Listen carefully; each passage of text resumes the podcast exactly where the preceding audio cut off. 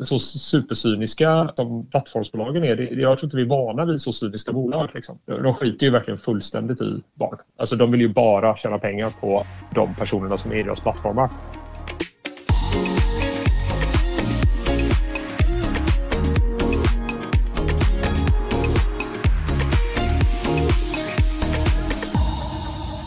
Har du någonsin varit barn? Ja, det är klart du har. Men har du någonsin testat att vara barn som vuxen? Antagligen inte skulle jag säga. Det har vi faktiskt ägnat oss åt i sommar. Ja, Lilly Jaro och Maja Oliver fick våra barn alter egon heta. 13 och 17 år gamla ville vi undersöka vilken typ av reklam vi möttes av i sociala medier. Sagt och gjort, vi skapade konton på Facebook, Instagram, Youtube, Snapchat och TikTok. Ja, och vi ska snart gå närmare in på det, men först vill vi säga varmt välkomna tillbaka alla lyssnare. Hoppas ni har haft en skön och avslappnande sommar trots det här rådande läget med corona och så vidare. Vi är tillbaka nu och vi är tillbaka för hösten och det är dags att inleda den här terminen med Insiktspodden och jag heter Jasmine Winberg och jag sitter här tillsammans med min kollega Amanda Turner. Du fick lite engelskt uttal Jag hörde det, lite internationell känsla. Det är härligt. Det känns känns eh, kul att vara tillbaka i poddstudion i alla fall. Och det är ju faktiskt redan i slutet av augusti så det är hög tid att sätta igång. Kan inte du eh, förklara lite mer vad vi har gjort här Jasmin? Jo men utgångspunkten är här att eh, barn de tillbringar allt mer tid i sociala medier och inte minst nu under coronapandemin har ju vi sett att all time spent har ökat i sociala kanaler. Det blir alltså mer intressant än någonsin då att titta på hur verkligheten här i de sociala kanalerna faktiskt ser ut för barn och ungdomar ungdomar under 18 år.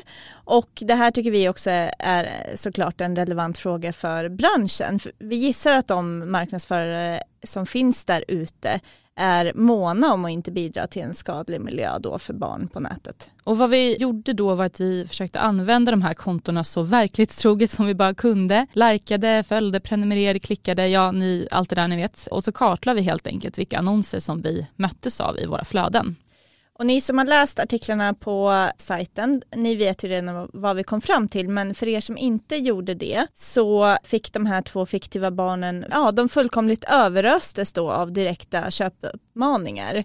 Och det är ju faktiskt förbjudet att eh, rikta sådana annonser till barn under 18 år. Och dessutom då så fick de också en hel del oetiska annonser, till exempel då annonser för skönhetsingrepp, vi såg lite online-casino, vi såg mm. även banklån och eh, något som kallas för myshörnan. Just det. Och mm. eh, de som är lite äldre kanske minns då Heta linjen som var väldigt poppis på 80-90-talet kanske.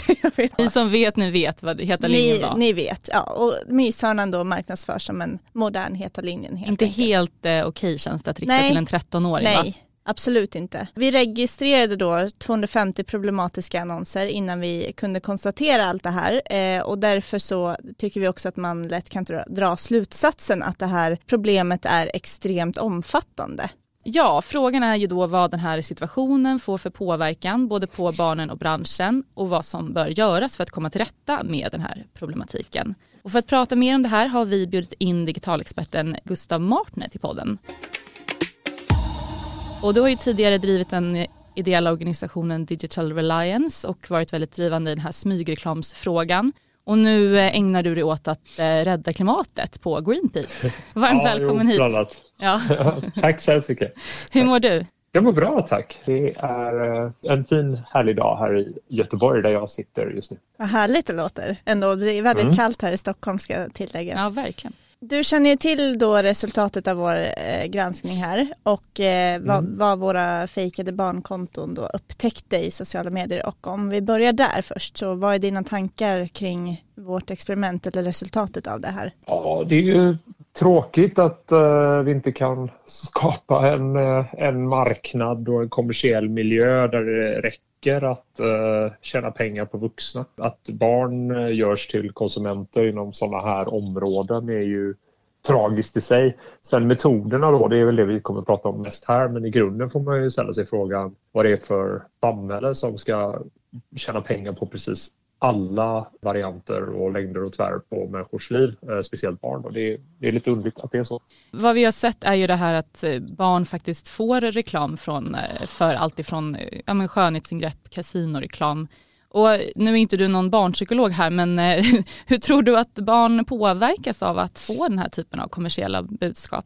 Precis som du säger så är inte jag någon barnpsykolog och jag är också försiktig på att moralisera över vad som är bra och vad som är dåligt och sådär. Men man kan väl konstatera att allt som tar vår tid påverkar oss i någon mening. Framförallt så kan man väl vända på det och säga att det står ju alltid i vägen för något annat för varje timme man lägger på en sak så är det ju någon annan grej som får stå tillbaka. Mm. Och så är det ju för vuxna men så är det ju även för barn. Det hade ju kunnat vara så att de här ytorna och de här eh, av, att när man blir avbruten för att titta på någonting. Det hade kunnat vara något annat. Det hade kunnat vara eh, en inbjudan till någonting som, som är något eh, som barnet kan utforska. Och det tycker jag också är ett perspektiv man måste ta in i detta. Att det är inte bara en, en, fråga om att titta på reklam eh, som riktas till barn för att bedöma hur skadlig den reklamen eventuellt är. Utan man måste kunna vända på det och säga hur ska ett, en barndom vara? Och jag tycker inte barn ska vara konsumenter när de, när de är små. Och i den mån de ska bli konsumenter när de blir äldre, naturligtvis så måste man ju lära sig hur det funkar, så, så ska det göras med försiktighet och fasa, det ska fasas in i ens liv på ett sätt som, som gör att man eh, eh lär sig det lite långsamt. Och sådär. Hur vanligt förekommande är den här typen av liksom oetiska eller olagliga annonser som riktas till barn i digitala medier? För att svara på den frågan som du ställer nu så, så tycker jag faktiskt att man ska ha ett, eh, ett svar som har lite så data bakom sig. Eh, så man inte hamnar i det där att man gör en bedömning utifrån eh, hur, hur det känns när man tittar på sina barns, liksom över axeln på sina barn och så. Jag skulle faktiskt inte vilja svara på den frågan utan snarare vända på det och säga hur kommer det sig att vi inte har mer data på detta? Mm. För det har vi inte. Och det är en av de här stora sakerna som jag verkligen tycker är den stora bristen i vuxenvärlden, myndighetsvärlden, i, i, att vi inte ägnar oss åt eh, datainsamling och avkräver data från eh, de här eh, plattformsbolagen så att vi kan göra den här bedömningen på ett statistiskt och liksom vetenskapligt sätt. Vi ska prata lite mer om plattformarna sen men apropå det här då, det finns ju en hel del svårigheter att komma åt den här problematiken och vi har ju pratat med Konsumentverket och Nixnämnden och båda berättar ju då att de får in oerhört få anmälningar kring ja, men, olika typer av problematisk reklam som finns i barns sociala medieflöden och det är också en anledning till att det inte finns någon praxis riktigt kring det här. Vad är dina tankar om det? Att det är barn som exponeras för den här reklamen och de anmäler inte? Skulle vi ha den logiken bakom annan brottslighet i samhället så skulle det, det skulle vara intressant. Mm. Eller hur? Ja.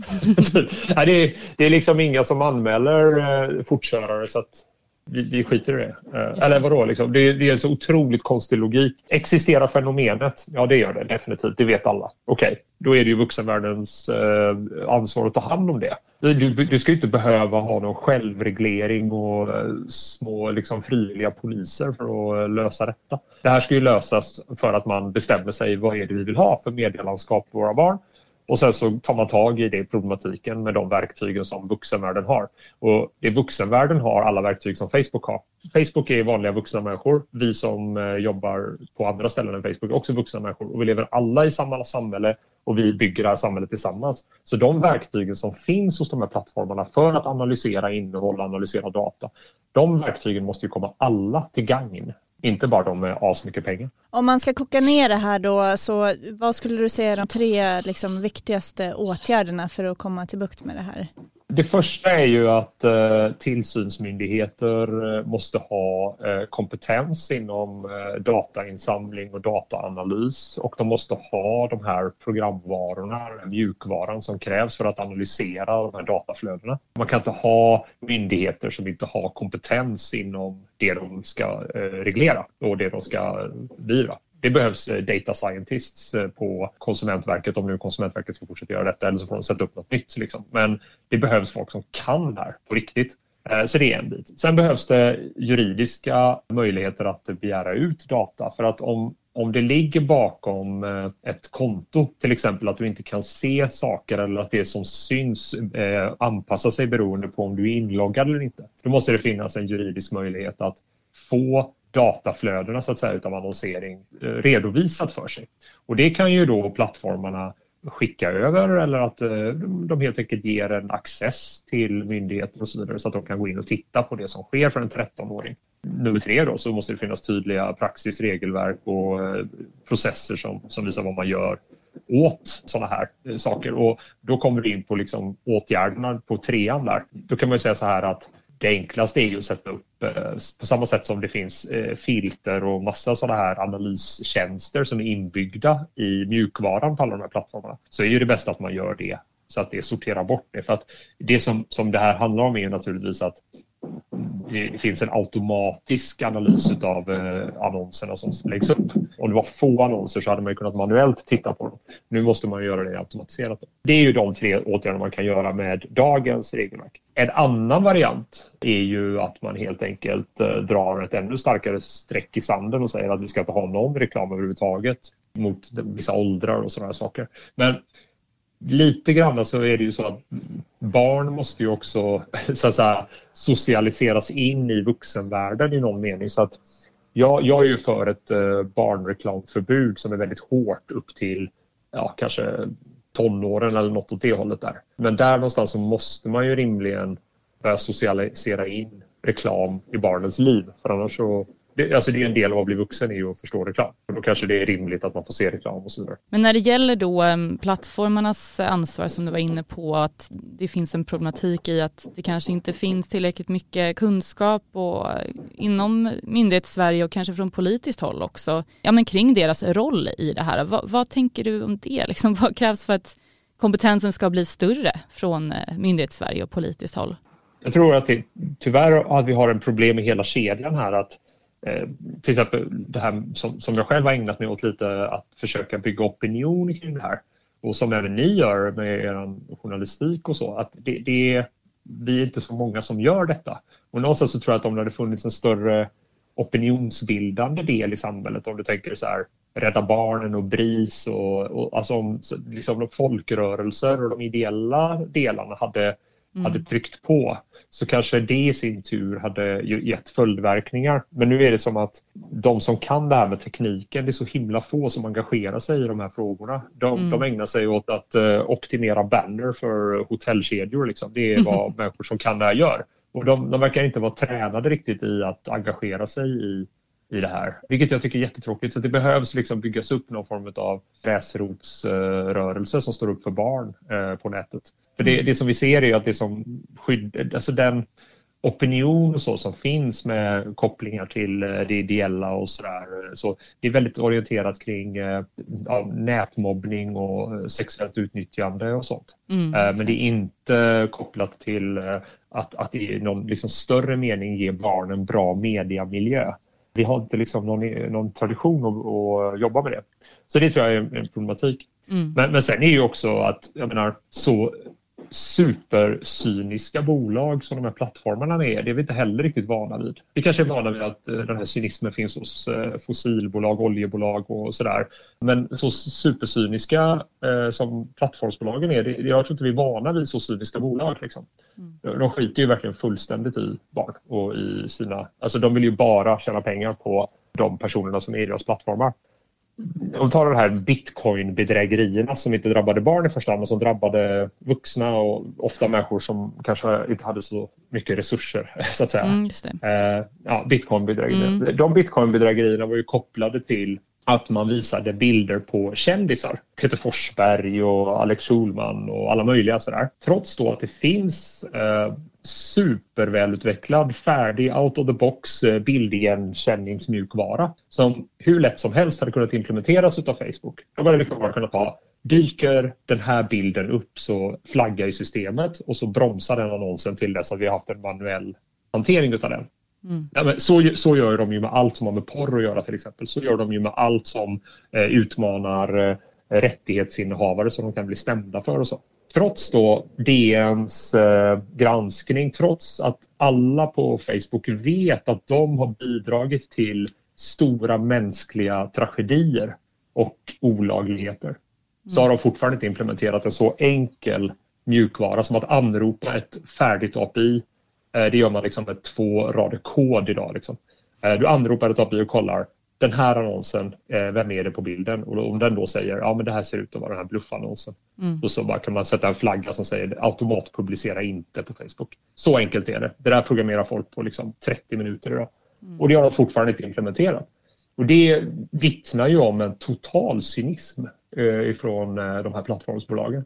Mm. Och det tror jag att vi är ovana vid, för jag tror ändå att vi är vana vid att företag ändå någonstans vill lite så här, balansera profit mot uh, att liksom vara en del av samhället. Nu är ju inte de här i podden ska sägas också och om man är intresserad Nej, men ta, ta in dem och fråga dem och så, eh, så säg exakt det jag sa till dem och så ber dem att förklara, ber dem att förklara i, i en mening varför de inte har implementerat en bildigenkänning för att uh, flagga bedrägeriannonser på Facebook trots att det har varit i åratal samma annonser. Mm. Ja, men vi ska jobba på att få hit dem. Ja, vi kanske ska titta med jag gör det. Mm, mm. Ja, för det hade de ju även kunnat göra, för det jag beskriver nu det är bara för att det är en enkel bild. Mm. Men det jag beskriver nu det är också den typen av mjukvara som kan implementeras för att blocka då för granskning den här typen av annonser som ni då eh, myshörnan för 13-åringar till mm. exempel då. då. då. är det ju någonting som är högst eh, tveksamt då. Och då behöver man inte säga så här, ja, ska vi ha totalförbud mot allt eh, sådär. Nej, men om det är någonting som är tveksamt så kanske det måste flaggas och så måste det granskas utav någon då. Det finns ju sånt som ganska enkelt gör att man kan få en möjlighet att titta på det. Det resonemanget jag har nu, den typen utav tydliga resonemang måste komma ifrån myndighetspersoner mm. eh, som säger så här, varför har ni inte bildigenkänningsmjukvara? Vi kräver det. Men jag tror inte att, eh, att myndighetspersonerna som jobbar med detta kanske är så här jättebekväma med att prata om bildigenkänningsmjukvara. Men... Har du också valt att bli egen? Då är det viktigt att skaffa en bra företagsförsäkring. Hos oss är alla småföretag stora och inga frågor för små. Swedeas företagsförsäkring är anpassad för mindre företag och täcker även sånt som din hemförsäkring inte täcker. Gå in på swedea.se företag och jämför själv.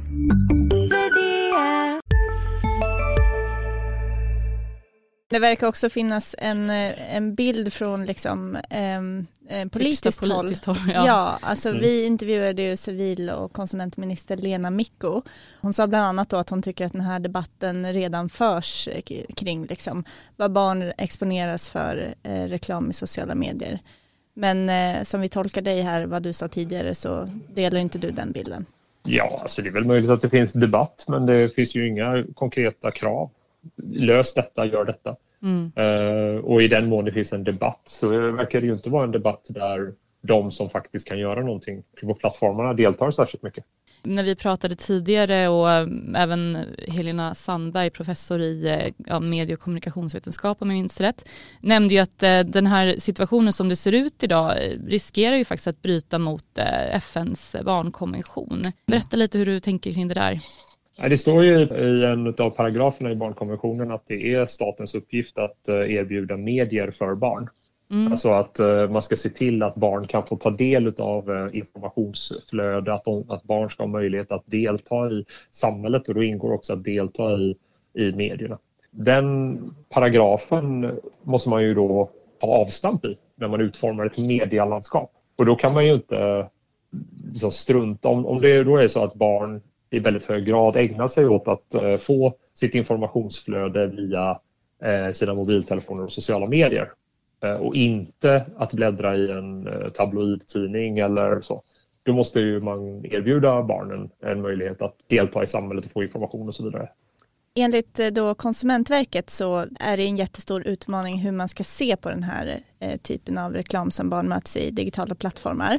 Om man då ska se på den som direktreklam eller inte eh, eftersom mm. ja, direktmarknadsföring är olaglig och riktad till barn under 16 år.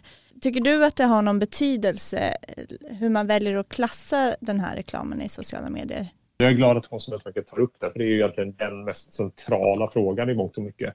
Direktreklam har man ju hårdare regler kring för just att möjligheten att manipulera eller att liksom trycka på vissa knappar hos barnet är så mycket större. Intressant nog då så direktreklam och det, den analysen man har gjort där det är ju för att man kan ta reda på barnets ålder och sen skicka ett eh, personligt meddelande via post. Det är ju så som utgångspunkten är där. Eh, intressant nog så är ju den targeting som erbjuds på plattformarna den är ju värre, om man säger så, mm. i hur du, hur du kan rikta.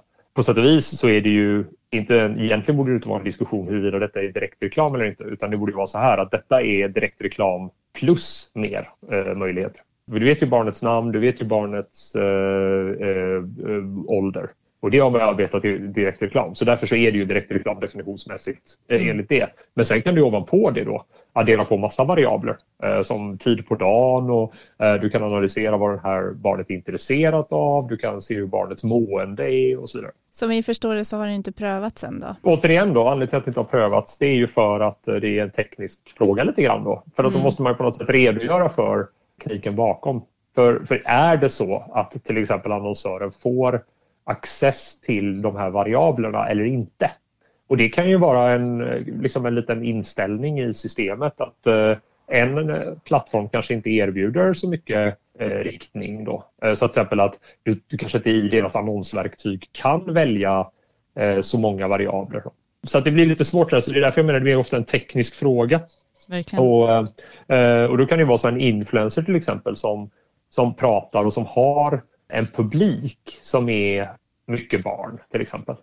Där kanske man inte kan prata om direktreklam lika mycket för den influencern kanske inte riktar på det sättet utan den influencern har de följare som de har. Så att. Mm. Eh, sen kanske influencern är medveten i någon mening om att de har mycket barn men de kanske inte riktar sig på det sättet. De kanske inte kan segmentera ut en viss ålder i sitt följarskara och rikta sig till dem. Men däremot så kanske en annonsör kan göra det om man går via samma plattforms eh, annonsverktyg. Och det är väl sådana saker som måste, man måste in och gräva i det här. På samma sätt som alla andra saker vi gör i samhället så är det ju en jädra massa grävande liksom. Mm. Idag jobbar jag ju som sagt mycket med miljöfrågor och det kan man väl lugnt säga att nivån på diskussionerna i de casen är ju lite högre för på myndighetssidan så sitter det ju folk som kanske har ägnat hela sina liv och har höga universitetsutbildningar inom teknik och miljö och eh, utreda liksom, miljöfrågor och så. Mm. Och på företagssidan sitter också ingenjörer och människor som kan massa om miljö och så sitter de och, och väger olika eh, liksom, eh, diagram och, och, visar för varandra. Och så mm. Ja, det liksom höjer nivån avsevärt. Kan jag tänka. Ja, och, ja. ja, precis. Och det, det, gör ju då att då blir ju diskussionerna ganska, eh, de blir ju ganska finkorniga. Så mm. eh, och medan däremot i, i diskussionen här så, så är det väldigt sällan man hör diskussioner om vilka, ja, men som jag tog upp där med bildigenkänning och artificiell intelligens. Och så alltså, mm. jag, jag har inte upplevt det när jag har varit inne i den här världen att det är så jätteofta någon tar upp den typen av tekniska aspekter eller hur det är att eh, till exempel dammsuga upp eh, alla captions från alla influencers i Sverige till exempel analysera dem och göra en språkanalys på dem till exempel. Mm. Eh, den typen av saker krävs ju för att man ska kunna utreda saker. Jag har gjort det men någon mm. annan har inte gjort det. Men vet. Nu har vi pratat lite här om det problematiska från barnens perspektiv då. Men du kommer ju också från reklambyråhållet från början. V vad tror du att det här kan få för konsekvenser för reklambranschen i förlängningen? Det, det ni tar upp i er artikel till exempel är ju så här Myshörnan erbjuder spännande anonym dating dygnet runt ja. i hela Sverige och så riktas ett, ett telefik till uh, minderåriga. Mm. Alltså, det, det, är ju ingenting som byråer som är med i Sveriges kommunikationsbyråer pysslar med. Liksom. Alltså, det, det, det, finns ju en väldigt stor bredd i eh, reklamvärlden och i den världen som jag har haft eh, privilegiet att vara i så har man ju fått ägna sig åt, åt reklam som, som inte Eh, är på det här sättet på något sätt. Det är ju gjort av mer ljusskygga företag och det kanske inte ens är svenska utan det kanske är att man sitter och översätter över hela världen ett koncept och så försöker man putta in det i alla länder man kan. Liksom. Mm. Och så. Det enda konsekvensen jag kan se utav att man skulle strama upp detta det är ju att den reklambranschen som vi känner snarare skulle få det eh, bättre. Mm. För det, de, de människorna som jobbar där, det är ingen av dem som vill göra reklam till barn. Liksom. En relaterad fråga här är ju egentligen eh, frågan om smygreklam som barn utsätts för. Och du nämnde ju här att eh, du har eh, varit med och, och liksom sugit upp alla influencers captions här och, och analyserat det. Kan du inte mm. berätta mm. lite om vad du kom fram till?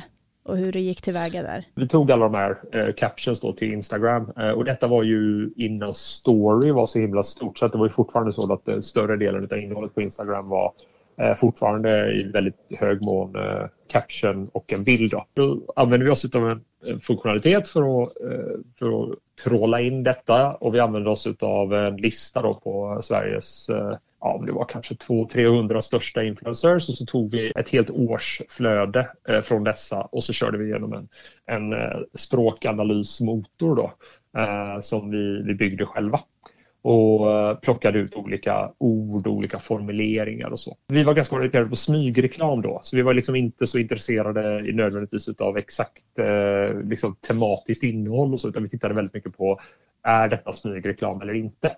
Mm. Och sen så tittade vi också på om eh, till exempel smygreklamen ökar eller minskar och så i proportion till antal poster. Det som gjorde skillnad då när smygreklamen tenderade till att bli bättre märkt utav influencern då, det var ju framförallt när plattformarna själva agerade då. Så att när Instagram till exempel gjorde en designförändring och la in den här eh, att man kunde klicka i att det var sponsrat innehåll, mm, då ökade märkningen men däremot när Kissy-domen kom till exempel, då såg vi inte någon markant förändring. En slutsats man kan dra då det är ju att det är plattformarna själva som, som har den största potentialen att uh, styra upp innehållet på plattformarna. Mm. Inte nödvändigtvis att uh, vi har uh, domstolsprocesser och så. Sen kan ju domstolsprocesser så vara bra ändå men för att man får prejudikat. Men man ska inte tro liksom att om Dagens Nyheter och Resumé och några till rapporterar om någonting som har hänt i en domstol så, så kommer alla influencers att anpassa sig över natten. Liksom. Det är inte det vi ser. Men däremot om man gör en designförändring eller om plattformarna gör en sån här varningsmeddelanden när du lägger upp ett visst typ av innehåll, då kan man nog räkna med att man kan få rätt mycket effekt. Då. Mm, det. Eh, så det är ju därför jag hela tiden är så här hård och eh, kompromisslös när jag pratar om plattformarna. Det är ju helt enkelt för att det är där det finns någon potential eh, och verkligen att tala om. Om man kan styra upp dem då, då kan du verkligen styra upp medielandskapet. Då. Mm. mm. Och vi som inte är så jättetekniskt bevandrade, alltså hur komplicerat var det här att bygga? Ja, men det var, det var inte så lätt. så. Eh, men, men det är klart att det är ju för att vi var ideell organisation och försökte göra detta för, för ja, ganska lite pengar. Eh, så vi fick eh, luta oss mot något företag då som ville ställa upp eh, för att de tyckte det här var en bra fråga. och sånt där. Om du däremot har några hundratusen, vilket man rimligen kan tänka sig att en myndighetsutövning skulle kunna få kosta, då är ju det här möjligt att köpa direkt från hyllan av de här företagen liksom, som finns, de här dataföretagen. En annan variant om man inte har de pengarna det är ju väl helt enkelt att man ägnar sig åt det som lagstiftare faktiskt har möjlighet att göra och det är helt enkelt att man säger till företagen själva att eh, tyvärr, ni måste, ni måste lösa detta. Ni får ge oss den här analysen. Sen är det klart att det är alltid bra att göra analysen själv då för att eh, risken är väl annars att man kanske får en lite biased analys då. Mm. Men, mm. men självklart så kan man ju precis som man implementerar massor av uh, saker i, i andra branscher. Mm. Typ att man säger till en, en bransch att ja, men ska ni få tillverka det här så måste ni implementera det här kvalitetsledningssystemet på det här sättet och så är det ganska mycket myndighetsinblandning i hur man gör den där grejen då. För att man, på samma sätt så kan man ju göra med media. Att man kan säga att eh, ja, men ska ni verka på vår marknad och, och tjäna massa pengar på våra medborgare, då måste ni följa de här eh, rutinerna och så har man människor som, som kommer från myndigheterna och uh, inspekterar. Mm. Jag menar, du kan ju inte öppna en restaurang utan att det kommer någon och kollar att du håller reglerna och att det kommer inspektörer och allt möjligt, eller hur? Mm. På samma sätt så är det ju rimligt att du inte ska kunna lägga ut någonting som är annonsfinansierat utan att det kommer en, en tekniskt kunnig person från myndigheterna och granskar din uh, mjukvara från uh, baksidan. Så att säga. Handlar det om att man inte tar det på allvar vilken typ av verklighet som barn faktiskt möts av eller hur stor del av deras liv som sociala medier faktiskt är idag? Jo, men jag, det tror jag definitivt att man tar det på allvar. Och jag menar det som eh, den utredningen som gjordes, det var ju ändå alltså vår Per, per Bolund eh, är ju ändå alltså en av våra högst uppsatta politiker och han engagerade sig personligen i att få en utredning på plats på kort tid. Eh, civilutskottet var väldigt engagerade i detta.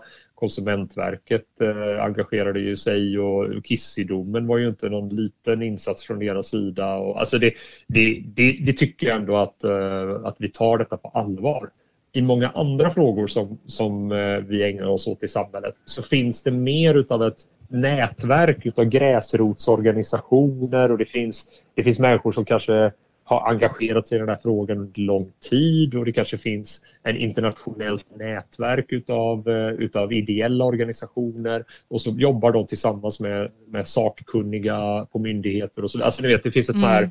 det finns ett större nätverk utav människor som, som står upp för barn i till exempel digitala medier. Alltså om det hade mm. varit motsvarande ett nätverk som det finns för andra frågor som också är viktiga. Då kanske det hade varit lättare också för myndigheter att prioritera det här. Det får nog bli sista ordet för idag faktiskt. Tack så jättemycket mm. Gustav. Ja, tack så mycket. Ja, men tack. tack. Nu är det dags för veckans svep där vi tar upp tre intressanta grejer från veckan som gått.